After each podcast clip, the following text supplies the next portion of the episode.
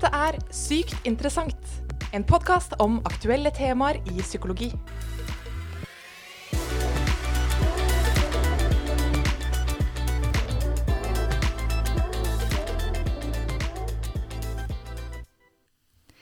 Se for deg en dag uten Instagram, Snapchat, Messenger, TikTok eller noen andre sosiale medier.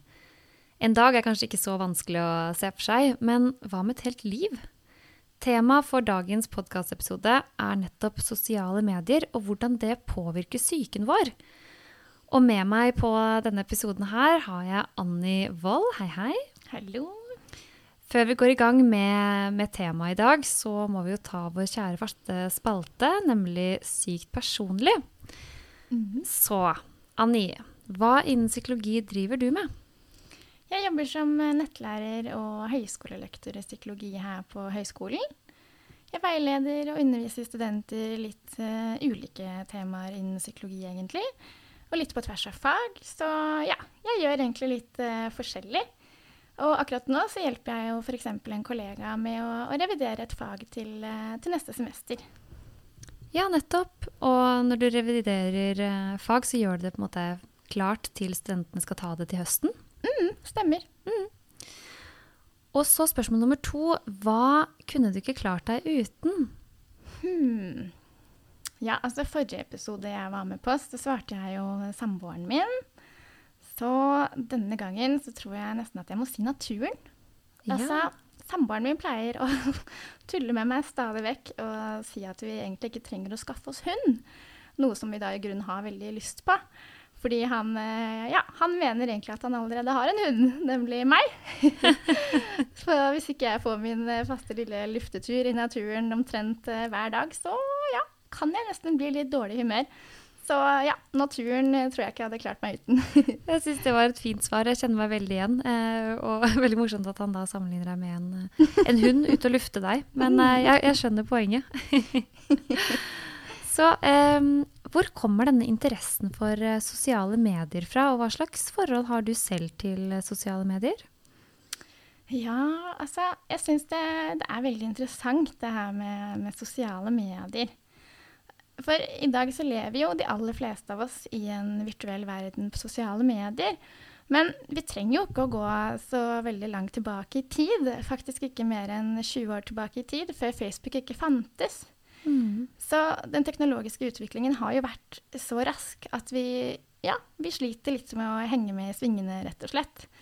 Og da syns jeg det er litt uh, viktig at vi, ja, at vi tør å stille oss selv de litt kritiske spørsmålene. Og personlig så vil jeg nok si at jeg har et litt ambivalent uh, forhold til sosiale medier. Jeg føler på veldig mange måter at jeg aldri hadde klart meg uten.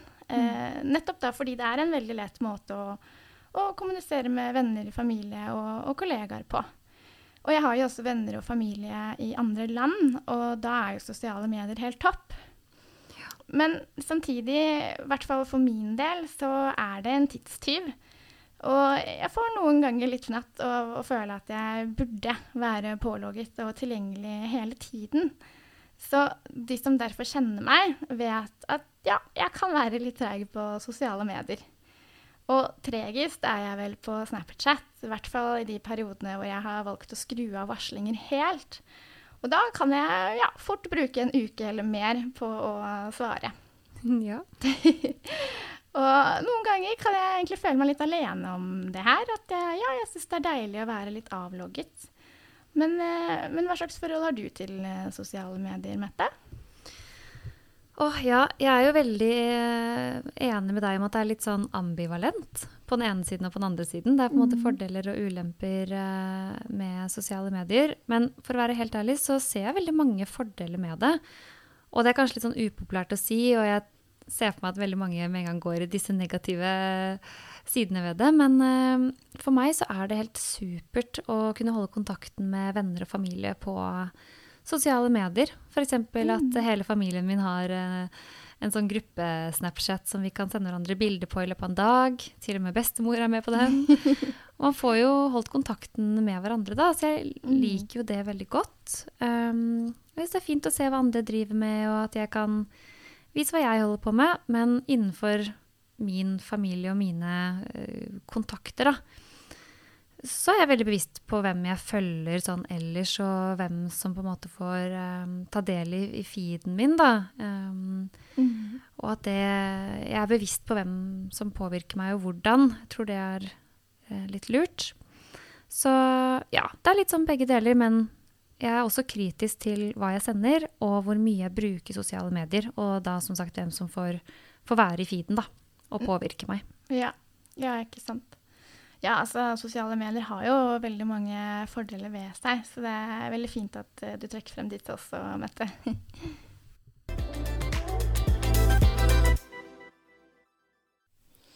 ok, men la oss først snakke litt om, uh, om hvor vanlig bruken av sosiale medier er. For hvor vanlig er det egentlig, Mette? Ja, altså Tall fra SSB fra 2018 viste at fire av fem nordmenn bruker sosiale medier. Um, og ferske tall fra 2021 viser at 3,96 milliarder mennesker bruker sosiale medier verden over. Og det tilsvarer faktisk litt over 50% av verdens befolkning. Tenk på det. Oi, oi, oi.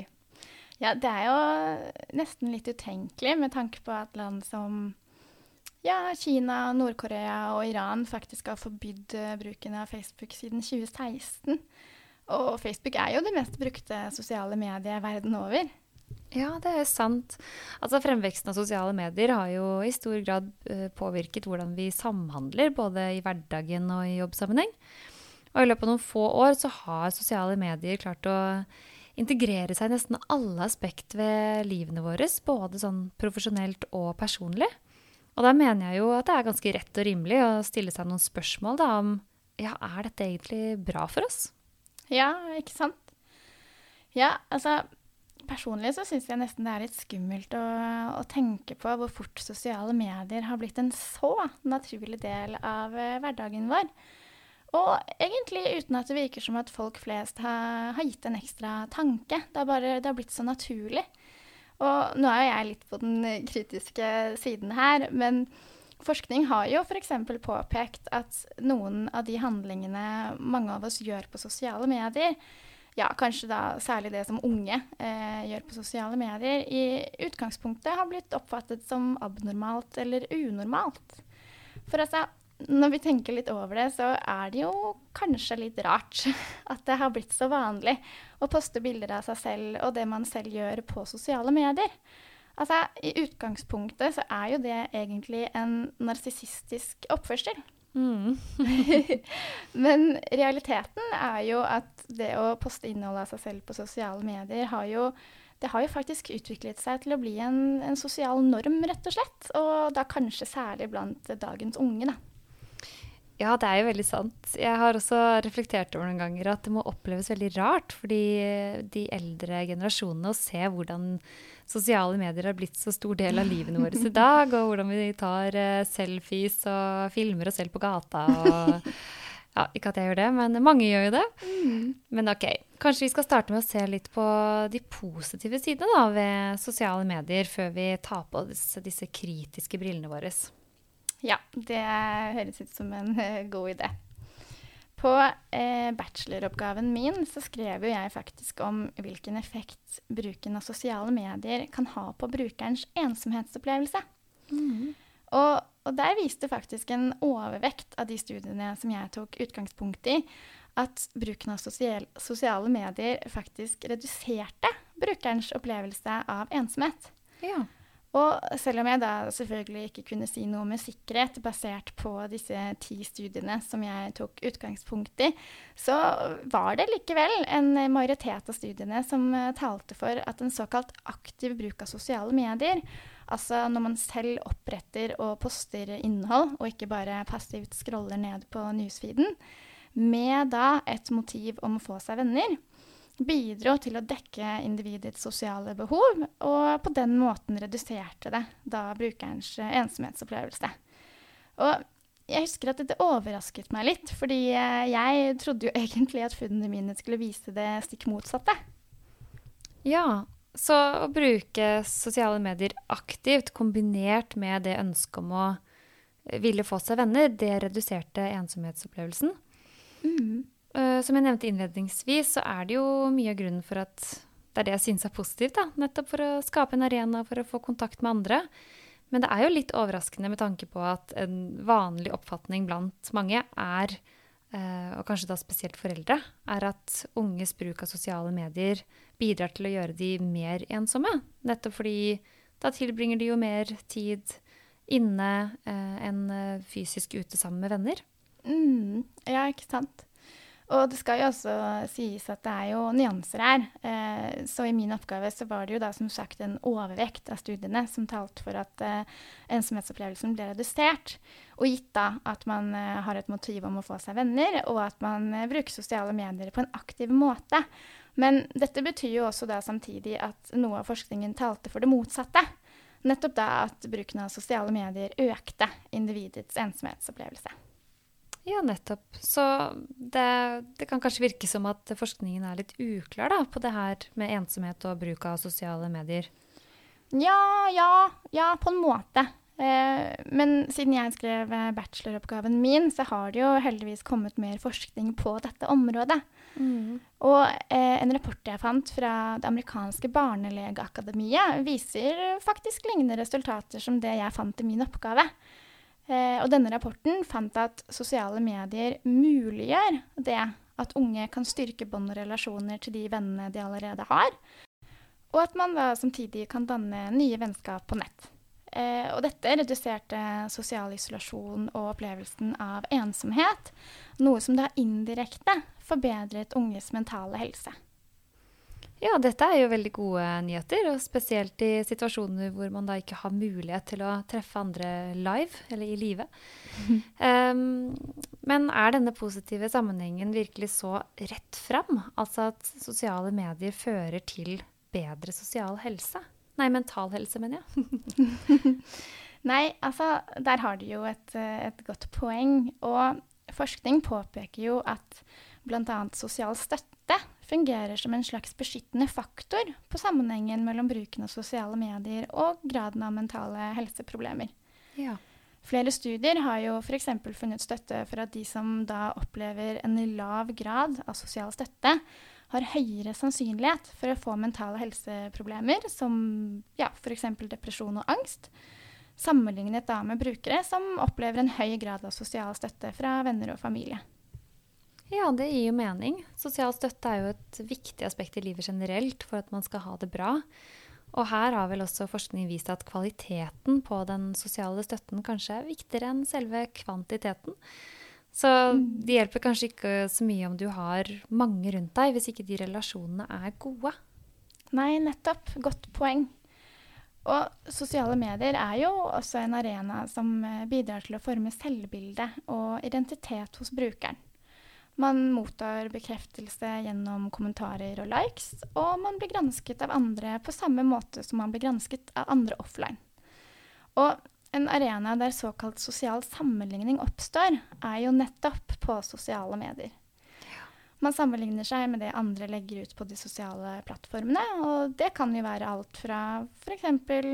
Ja, bilder av bursdagsfeiringer til bilder av middag med venner og, og ferie med familie og kjæreste. Ja, at man sammenligner seg med andre, det andre legger ut på sosiale medier, kan nok veldig mange kjenne seg igjen i. Enten det er bevisst eller ubevisst. Og han eh, Festingers teori om sosial eh, sammenligning er jo en velkjent teori fra sosialpsykologien som sier noe om nettopp det, da. Så hvis eh, noen psykologistudenter lytter nå, så kanskje dere kjenner igjen denne teorien, eller snart skal lære om den? Mm. ja, veldig sant. Sosial sammenligningsteori hevder jo at eh, mennesket har en iboende drift til å, å, sammenligne seg med andre, med hensikt da om å redusere usikkerhet med tanke på hvor en selv står. Så sosial sammenligning handler jo da alltid om en persons oppfattelse av seg selv i forhold til andre, og brukes i den forstand til å evaluere seg selv. Mm. Så sosial sammenligning kan jo derfor påvirke en persons selvfølelse og selvbilde. Bruken av såkalte nedover- og eh, nedoversammenligninger, altså at man sammenligner seg selv med noen som står lavere enn seg selv, kan derfor produsere bedre selvfølelse, mens bruken av såkalte oppoversammenligninger, altså at man sammenligner seg selv med, noen som står høyere enn seg selv, kan jo da gi lavere selvfølelse. Mm, nettopp. Og kanskje særlig på sosiale medier så baseres jo ofte den sosiale sammenligningen på ufullstendig informasjon. Altså, hvis du som lytter noen gang har vært på ja, f.eks. Instagram eller Facebook og tenkt at men søren, alle har det jo så mye bedre enn meg, så er du ikke alene. Forskning viser nemlig at studenter som tilbringer mer tid på Facebook, har høyere sannsynlighet for å tro at andre er gladere og lever bedre liv enn seg selv. Men altså, det er jo selvfølgelig ikke sant at alle lever bedre liv enn hverandre. Mm. Det, er jo, det, er jo, bare sånn vi oppfører oss på sosiale medier. Vi, ja, vi tenderer å vise frem de mest spennende, morsomme og, og positive aspektene ved livet vårt. Ja, det er viktig å ha i bakhodet altså, når man scroller nedover og ser på de ulike sosiale plattformene. Mm. Den sosiale sammenligningen på sosiale medier blir jo da biased, eller en skjev form for sosial sammenligning. Nettopp fordi man kun sammenligner seg med de positive aspektene ved folks liv. En tanke som slår meg da, er jo hvor typisk det er å følge folk som man da ser opp til, mm. og kanskje mener står høyere enn seg selv. Typisk personer man synes kanskje er penere enn seg, eller komikere som er morsommere enn deg, eller noen som driver med interiør og har drømmehuset. Og ut ifra denne teorien da, så kan jo faktisk det ha negativ innvirkning på selvbildet. Mm. Ja, ikke sant.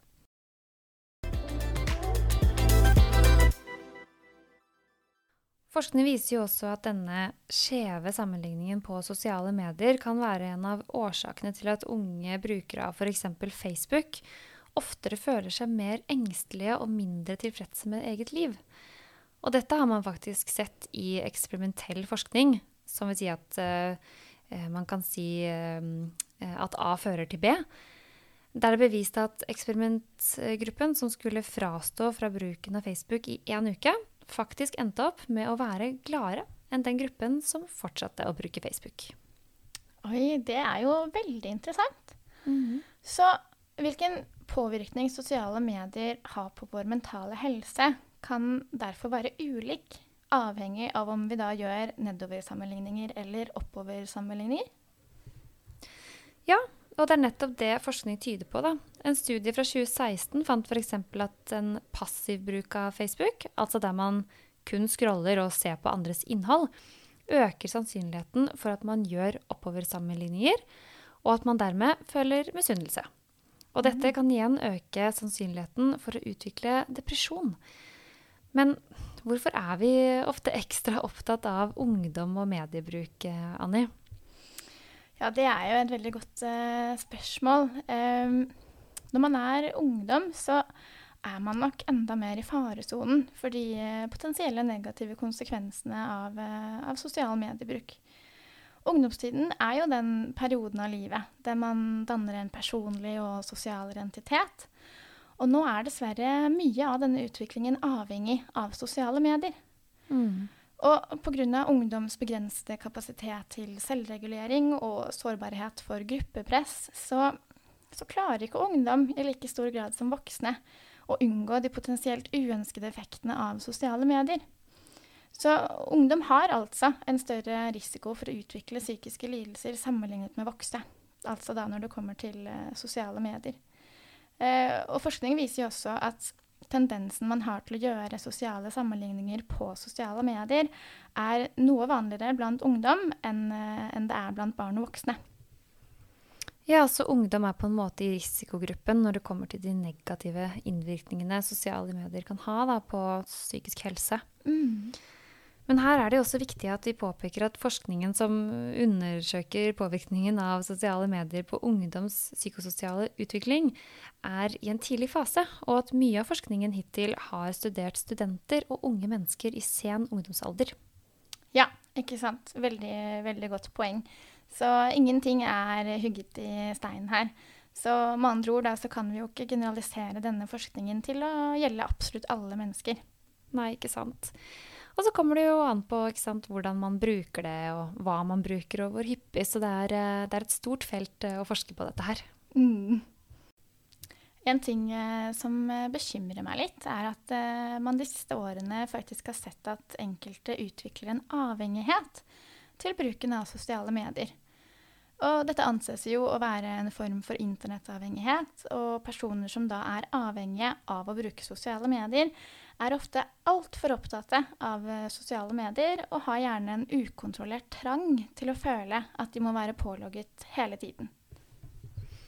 Hmm, ja, nettopp. Så man blir faktisk så avhengig at man kjenner på en sånn sterk trang til å være med på det som skjer på nett, og få problemer med å begrense seg, rett og slett? Ja, ikke sant? Og studier har estimert at ca. 12% av alle som bruker eh, sosiale medier, faktisk blir avhengige. Oi, ja. Innledningsvis så sa vi jo at 3,96 milliarder mennesker bruker sosiale medier verden over.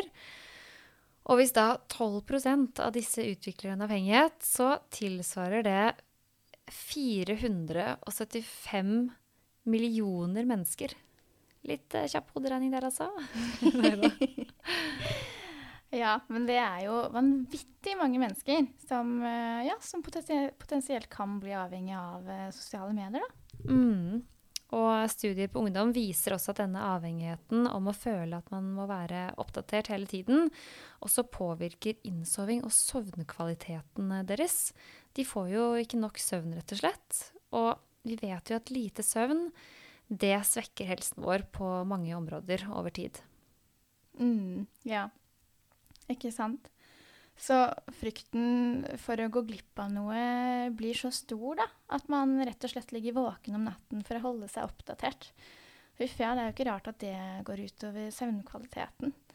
Og det har jo også blitt funnet at uh, ungdom rapporterer et opplevd gruppepress knyttet til det at de føler at de må holde seg oppdatert og, ja, og være tilgjengelige for vennene sine på sosiale medier til enhver tid. da.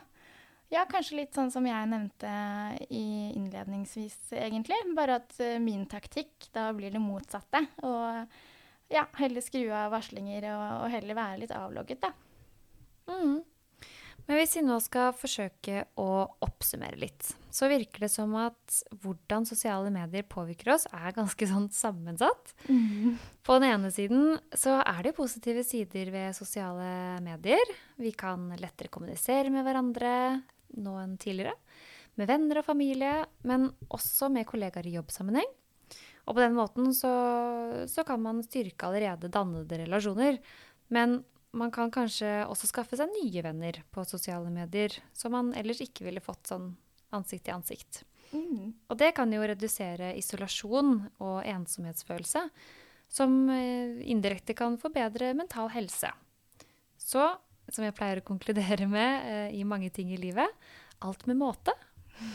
ja, veldig, veldig godt sagt. Men så er det jo også ja, flere faktorer som kan spille inn på hvordan bruken av sosiale medier påvirker oss, og hvordan det påvirker vår mentale helse. F.eks. har vi jo snakket om at uh, sosial støtte kan virke som en slags beskyttende faktor.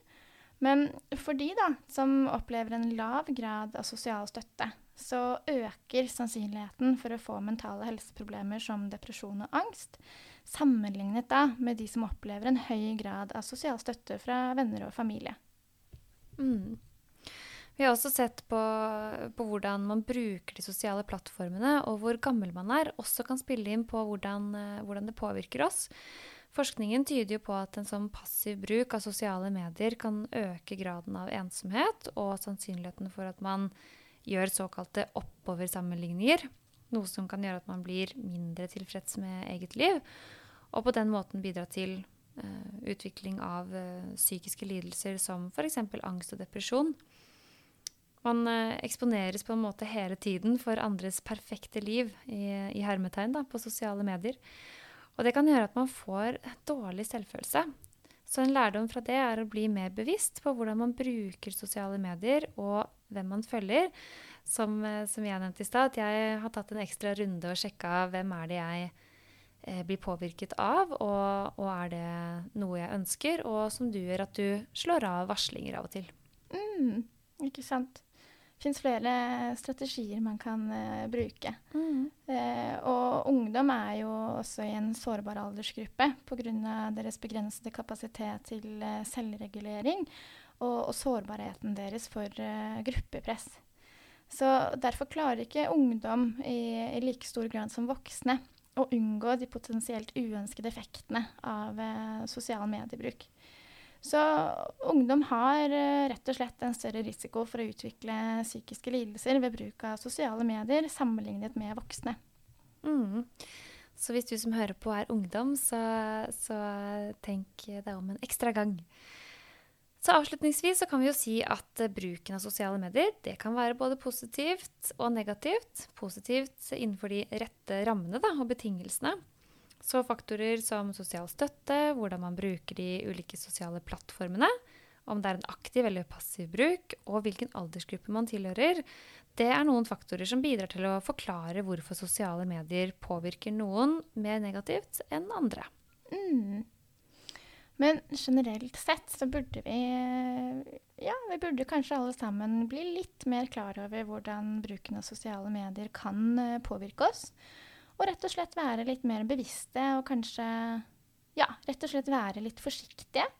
Vi, vi har jo f.eks. sett at eh, 12% av alle som bruker sosiale medier, faktisk utvikler en avhengighet. Mm. Ja, det er veldig sant. Så eh, det er kanskje viktig også å nevne at uh, psykologiforskning uh, tenderer til å vektlegge det som er abnormalt. Altså mm. uh, at man undersøker hva som fører til psykopatologi, det som er unormalt, da. Eller utviklingen av psykiske lidelser.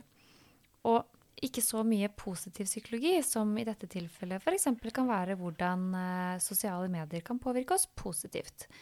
Så ha det i bakhodet også. Um, at vi nå snakker om uh, noe forskningsbasert og de kritiske, hatt de kritiske brillene på. Men at det helt sikkert er uh, en del helsefremmende aspekt ved sosiale medier også.